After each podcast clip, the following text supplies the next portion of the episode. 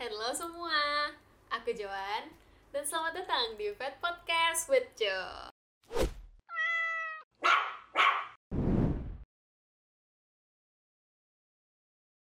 Hari ini aku sama Dinda. Hai Halo. Dinda. Nah, Dinda ini kayaknya di kampus terkenal banget ya. Kayak udah nggak ada yang nggak tahu Dinda deh. Nggak, pasti banyak yang nggak tahu.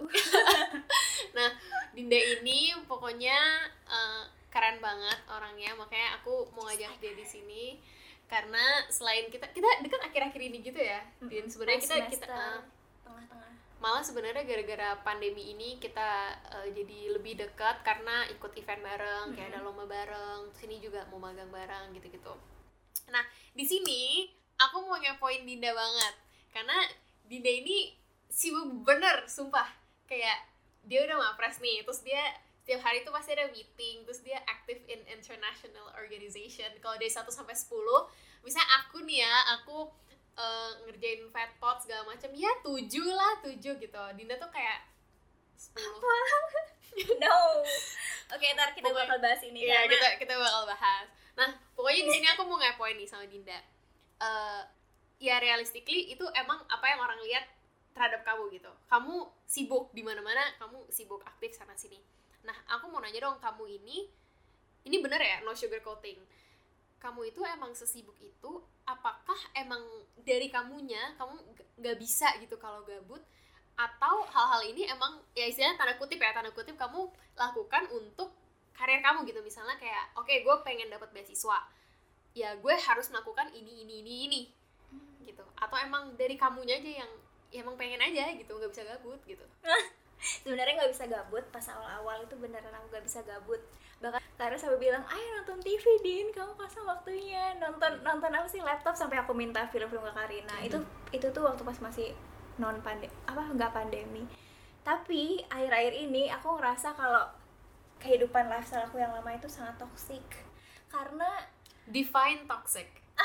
Oke jadi terlalu terlalu berat di bagian work life daripada my private life. Jadi ujung-ujungnya misalnya nih aku udah bener sih sesibuk itu bener-bener banget. Pas lagi tahun ketiga sampai aku beneran sakit beberapa kali ke RS cek darah karena udah mau kena tipes bahkan udah kena paratipes terus um, banyak lah pokoknya sakit-sakit sampai aku uh, my past relationship itu hancur. Menurut aku gara-gara aku nggak nggak invest my time ke itu. You cannot say that though. Iya sih tapi oke but udah that's another story. Yeah, that's another story. Tapi intinya gitulah. Intinya aku ngerasa malah kehidupan yang buat aku sendiri itu nggak terlalu aku pikirin. Tapi karena waktu itu yang aku lakuin selama sibuk-sibuk kayak itu Hmm. tuh aku senang jadi aku nggak kerasa capek. Mhm. tapi karena sekarang udah pandemi kayak udah udah off kan yang kayak gitu tuh udah jarang. Jadinya aku ngerasa lebih gabut iya. Makanya aku berusaha cari kesibukan. Tapi aku jadi sadar kalau dulu tuh aku nggak ada istirahat buat aku sendiri. Bahkan di one day dari 24 jam itu aku cuma istirahat buat aku pas tidur. Dan tidur itu biasanya 2 jam 4 jam atau 5 jam itu 5 sampai 6 jam itu bener-bener Mhm. jarang. Biasanya aku tidur 2 sampai 4 jam. Terus abis pulang dari kuliah aku me time sama hewan-hewan aku. Aku punya guinea pigs dua. Aku suka ngasih makannya itu kayak me time aja aja ngeliatin dia gigit-gigit dari kandang. Itu me time. Aku cuma gitu doang waktu itu. Jarang jalan-jalan sekali jalan-jalan juga dibarengin sama beli belanja bulan segala macam segala macam itu jadi nggak ada yang buat have fun. Menurut aku tuh toxic. Jadi jadi kayak udah udah lewat semua itu aku burn out. Burn out itu tahannya sampai berbulan-bulan. Bahkan sampai sama Karina lagi. Getaway ke Bali dua bulan eh dua bulan. We wish. Dua dua minggu.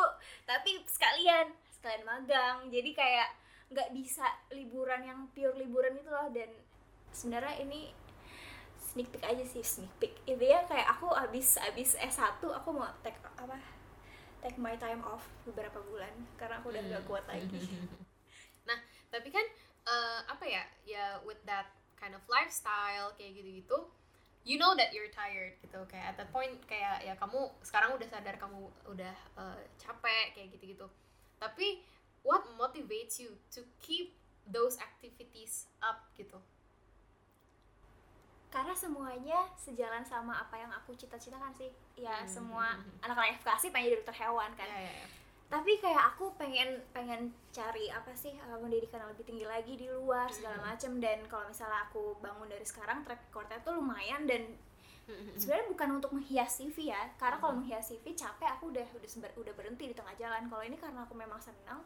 Dan apa kebetulan ada kegiatan yang sama. Jadi ya udah aku ikut. Tapi karena sekarang sekarang ini jarang ya aku lebih ngerasa capeknya sebenarnya. Iya, benar. Kalau misalnya dari aku pribadi, um, I can say in the in some way I can relate. Kayak justru aku ngerasa aku nggak bisa gabut malah sebenarnya di zaman pandemi ini.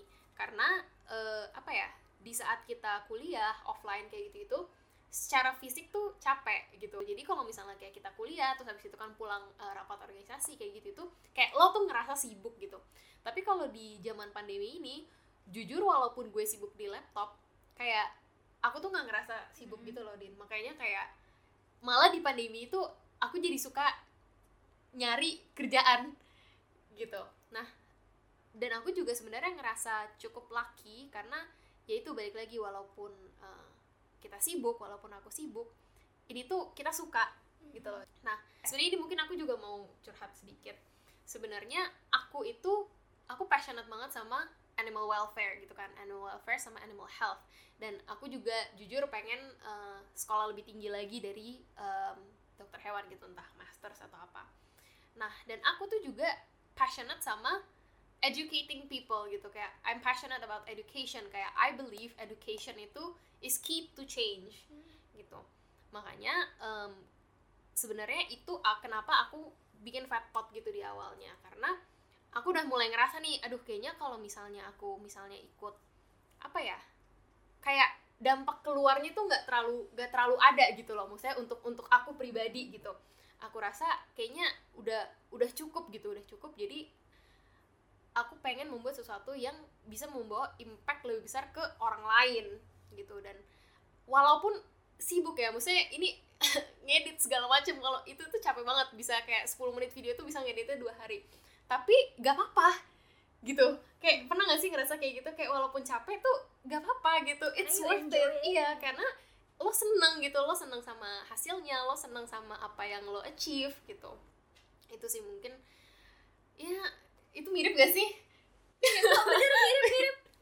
Cuma karena eh bukannya pas bilang pas aku bilang pandemi aku nggak senang sama apa yang aku lakuin Mhm. enggak cuma karena perbedaan lifestyle aku yang kontras banget tuh Mhm. yang waktu pas non pas sebelum pandemi non pandemi jadi even a word normal life iya pas normal life aku ke mana-mana terus kalau misalnya Iya. udah capek kan biasanya ah tunggu 2019 tuh aku empat kali ke luar negeri walaupun cuma tiga negara berbeda tapi intinya kayak itu untuk setelah- hal akademik gitu ya Iya, biasanya untuk akademik Mhm. sih. Tapi nggak terlalu nggak langsung relate ke FKH. Cuma di di saat itu tuh aku ngerasa aku juga sekalian refreshing. Nah sekarang pas pandemi nggak bisa ke mana-mana. iya Segala macam dan benar benar jadi setiap setelah aku udah tinggi banget nih misalnya stresnya. Aha. Kalau dulu kan oke kita keluar Iya. karena memang ada atau ke kafe kayak Iya, atau apa ke mana.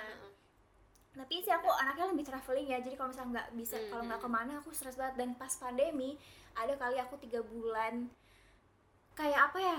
Kelihatannya sih orang sih ngeliatnya biasa aja karena memang aku berusaha tetap tetap i- Hmm. apa be sane gitu kan. Tapi sebenarnya I'm struggling a lot Mhm. sampai aku mikir perlu nggak ya ini dibawa ke profesional apa kayak gitu Mhm. tapi menurut aku sampai sekarang sih karena sekarang udah magang nih keluar lagi akhirnya aku bisa kembali lagi ke diri aku kayak my Hmm. sanity udah balik lagi kayak Iya oh, benar-benar. Aku aku juga tipe orangnya tuh yang sebenarnya aku lebih enjoy ngerjain sesuatu tuh di luar gitu. Karena nggak tahu ya kayak aku nggak nggak terlalu bisa yang kayak kalau ngerjain apa apa tuh di kamar aja gitu. Aku aja bahkan kalau ujian nih dan kalau udah ngantuk bisa-bisa kayak aku duduk di depan pintu kamar kayak maksudnya posisinya tuh beda-beda gitu loh. Jadi kalau kalau lagi pandemi kayak gini tuh aduh ya cuman ya gitulah ya Wah, kalau aku bedanya kalau belajar aku bisa stay di kamar. Tapi kalau misalnya ngerjain tugas enakan sih bareng-bareng sama teman-teman. Menurut Dinda sendiri nih jadi kalau misalnya aku aku tuh waktu tahun pertama tuh rada bisa dibilang kayak apa nggak apatis juga sih. Ya maksudnya belum terlalu Hmm. termotivasi lah buat kayak ah ikut ini ah, ah ikut ini ah. Nah menurut kamu sebenarnya penting gak sih? Dan apakah menjadi suatu tolak ukur kesuksesan gitu? Misalnya nih misalnya nih wah kita sibuk nih Dina mapres misalnya aku pernah jadi duta FKH atau apa kayak gitu. Menurut kamu ya itu mendukung jelas lah ya mendukung ke depannya. Cuman apakah kita harus nge-compare diri kita sendiri gitu loh sama orang yang kayak lebih sibuk waktu kuliahnya segala macam? Kayak itu tuh tolak ukur sukses gak sih gitu? Enggak karena kita semua kan punya our own timeline kesuksesan. Hmm, yes walaupun emang kadang uh, pas nge-compare itu ada bagusnya. Cuma kalau misalnya nge-compare bilangnya kayak aduh kok aku nggak bisa sukses dia ya padahal aku udah ini ini itu enggak enggak kayak gitu nge-compare ya. Tapi kayak ngelihat uh, positifnya dari mereka itu apa yang mereka lakukan terus diterapkan ke kehidupan kita. Misalnya misalnya cara mereka belajar atau misalnya cara mereka uh, me time. Kadang me time itu penting loh benar-benar penting. Mhm. karena bikin gak stres misalnya cara mereka eh, ya apalah yang bisa kalian terapkan ke kehidupan sendiri. Itu sebenarnya sih kalau aku nge-compare. Tapi be honest aku juga beberapa kali pernah mikir kok dia bisa segitu ya? Aku udah maksudnya aku nih bentar lagi kan aku umur 22 tahun nih Maret 2021 wah udah tua. Terus kayak yang lain masih 20 19 18 19 dan mereka kayak udah lebih terexposure dari dari aku waktu aku umur segitu. Jadi mereka uh, otomatis kayak progresnya bakal lebih cepat karena dimulai dari lebih kecil gitu kan lebih lebih muda I mean.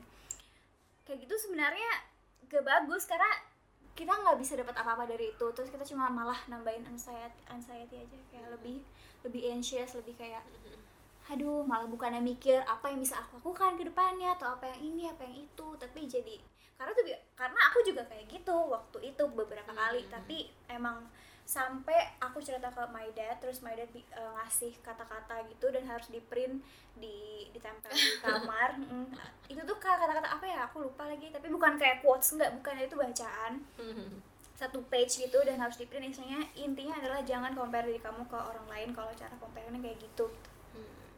Iya sih sebenarnya kayaknya yang harus kita ingat adalah everyone has their own time. Mhm. Oke, nah selanjutnya ini rada out of topic. Cuman aku pengen aja pengen tahu pendapat kamu. Kan orang kan kadang suka ada yang ngomong jadi cewek jangan pinter-pinter nanti cowoknya nggak ada yang mau kayak pada takut gitu nanti cowoknya minder gitu nah what do you think. Maksudnya Iya, aku juga. kayak iya iya iya biasanya ya biasanya Mhm. yang ngomong kayak gitu tuh cewek-cewek yang hmm apa tuh yang yang yang nggak apa ya gimana yang kayak mereka sebenarnya iri tapi kayak pasif agresif gitu gak sih jatuhnya Iya. jadi yang menggantungkan di kayak mau nyindir gitu ke orang-orang yang lebih pintar daripada dia kalau kalau mereka pintar-pintar nggak dapet cowok gitu Iya, sebenarnya salah makin pintar kalian makin tinggi level kalian ya ketemunya sama orang-orang yang selevel itu Benar, semakin tinggi kalian ya cowoknya juga lebih tinggi lah. Kalian nggak mau apa? iya gak sih? Ya kan kayak itu tuh sebenarnya aku nanya ini gara gara-gara beberapa hari yang lalu aku ngeliat kayak ada influencer yang ngomongin tentang ini gitu loh. Kayak dia sambil makeup terus dia sambil ngomong terus ah, kayak aku setuju banget gitu kayak aduh udah 2021 masa masih kayak gitu sih. Pokoknya kalian cewek-cewek, kalian jangan mau diomongin kayak gitu ya. Jangan mau sumpah kejar Itu orang yang- kalian. mungkin ya mungkin orang yang iri kali I don't know Ya pokoknya kalian mau jadi apa kayak kalian mau sampai S3 mau jadi profesor go catch your dreams. Bahkan Iya. orang yang beneran sayang kayak in love gitu malah ngedukung gak sih Iya. Hmm. walaupun kalian Terus- beda Iya. Terus juga jangan mau dilarang-larang kalau misalnya nih kalian punya pacar terus kayak kalian mau ke luar negeri terus kayak jangan no way enggak nikahnya lama ya udah.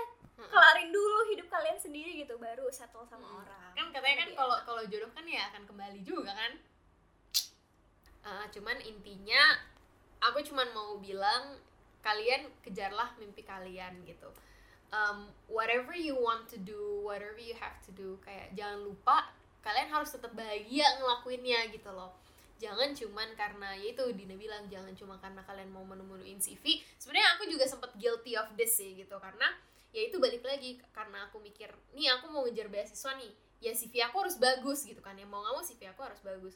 Sampai sampai sampai aku sempat ngelakuin hal-hal yang sebenarnya tuh em, apa ya yang nggak aku suka gitu loh. Cuman karena kelihatannya keren dan bagus di CV aku lakuin. Dan itu beneran beda banget loh. Maksudnya ini ini beneran rasanya beda banget kayak aduh gitu. Terus kayak tapi yang di otak lo tuh cuma yang kayak demi CV demi CV dan itu nggak enak banget nambahin dikit itu aku juga sebenarnya waktu semester 2 awal apa semester 3 gitu aku ngikut satu kepanitiaan tiga kepanitiaan dalam satu waktu yang sama pasti mereka selalu semuanya ada satu titik yang mereka bersamaan tiga tiganya gitu dan yang ada IP aku jatuh Hmm.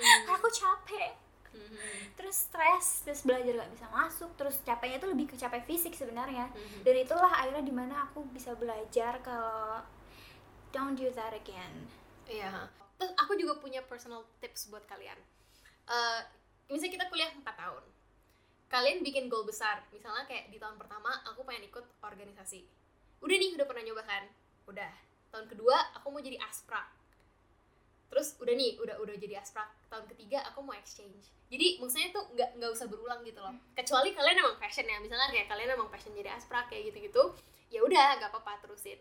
Cuman ini personal tips dari aku ya kalau yang udah pernah coba ya udah.